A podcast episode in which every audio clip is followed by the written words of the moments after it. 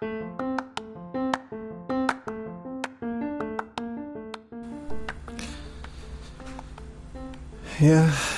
hari ini gue masih pengen ngomongin tentang tongkrongan. Kenapa ya? Karena menurut gue banyak aja gitu hal yang bisa diomongin tentang tongkrongan. Referensinya tuh kayak nggak ada habisnya gitu. So, eh, selamat datang di podcast Remeh Temeh. Nama gue Dendi dan selamat mendengarkan.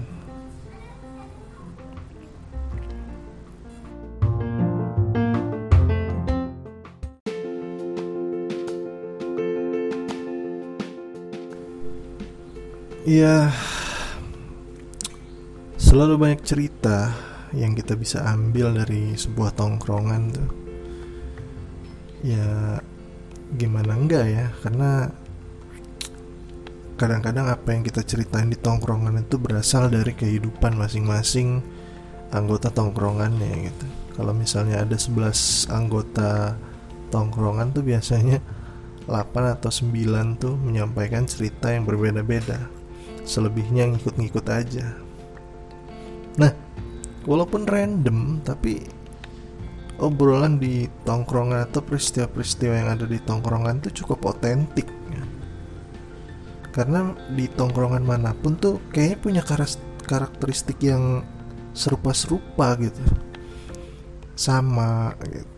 auranya karakter orang-orangnya ya sama gitu jadi kayak relate aja kalau misalnya gue ngomongin uh, kemarin tentang apa namanya si nggak enakan tuh pasti ada di tongkrongan lain tuh yang begitu gitu. Jadi kayak relate aja gitu.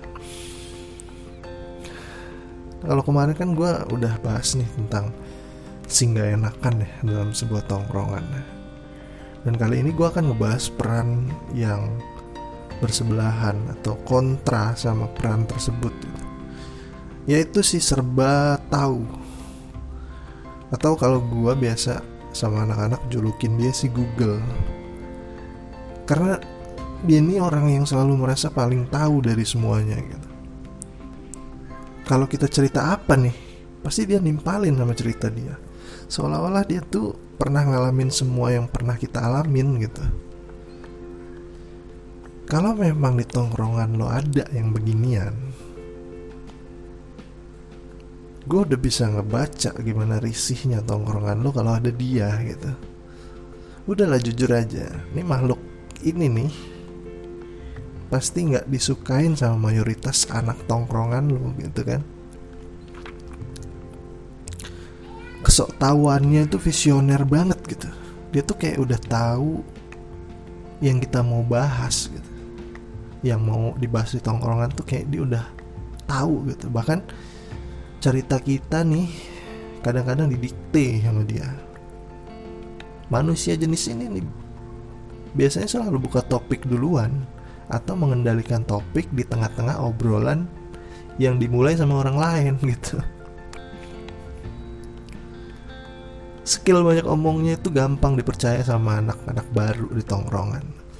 Jadi kalau dia cerita tuh anak-anak baru tuh suka yang kayak mes gitu kayak yang oh iya tuh bang. Iya juga bang ya gitu. Kayak kayak apa ngeladenin respect respect nggak enak gitu tapi kadang-kadang banyak juga yang percaya gitu setelah bergulir waktu setahun dua tahun terbongkar aibnya bahwa dia adalah si sok tahu, si Google, si banyak omong. Dan respect itu makin lama makin meluntur dong. Karena dia itu biasanya ngomongin tentang dirinya yang punya link yang sangat luas. Sama ini kenal, sama itu kenal. Punya abang di mana-mana gitu. Abangnya di sini ada abangnya di situ ada gitu. Bagi orang lama sih omongannya tuh nggak ada nggak ada artinya sama sekali. Sampah. Dan nggak ada isinya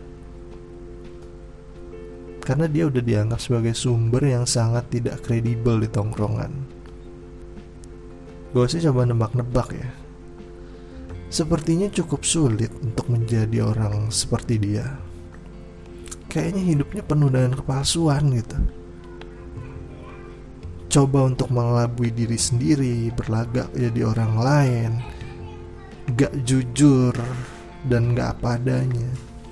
Kayaknya risih deh gue kalau jadi dia. Tapi gimana ya? Kayaknya udah mentalnya udah terbentuk sedemikian rupa gitu. Dan yang paling menyebalkan adalah dia tuh cenderung tinggi dan membanggakan diri di depan orang lain kalau lagi ngobrol gitu. Aduh, orang kayak gini nih bukan nggak ada manfaatnya di kerongkongan sih sebenarnya. Bagi orang lama dia tuh kadang-kadang dicari untuk dijadiin bahan omongan. kalau nggak ada bahan lagi nih buat ledek-ledekan biasanya si orang ini dicari gitu. Karena ya paling gampang buat diomongin gitu.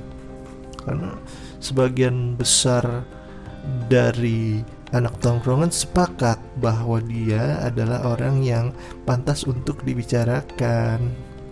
Aibnya ya kesotawannya dia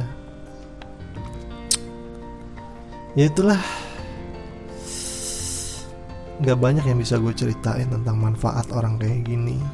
Sedikit sekali. Ya mungkin karena memang uh, ya lagi-lagi subjektif ya. Mungkin gue nilainya dari sisi kerisihan gue terhadap dia gitu. Jadi yang ada justru hal-hal negatif. Tapi memang itu yang tercermin. Sepertinya tidak ada hal yang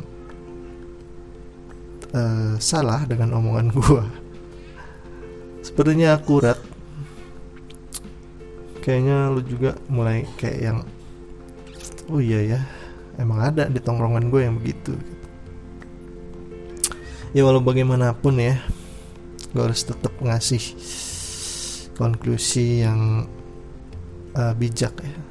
Walau bagaimanapun dia tuh tetap bagian dari tongkrongan kita suka nggak suka ya udah terima aja. Sambil nunggu kapan dia baiknya. Ya udahlah segitu aja ya. Sampai jumpa di episode selanjutnya. Masih ngomongin tongkrongan deh kayaknya gue Kayaknya masih banyak yang harus yang mesti gue ceritain. Oke bye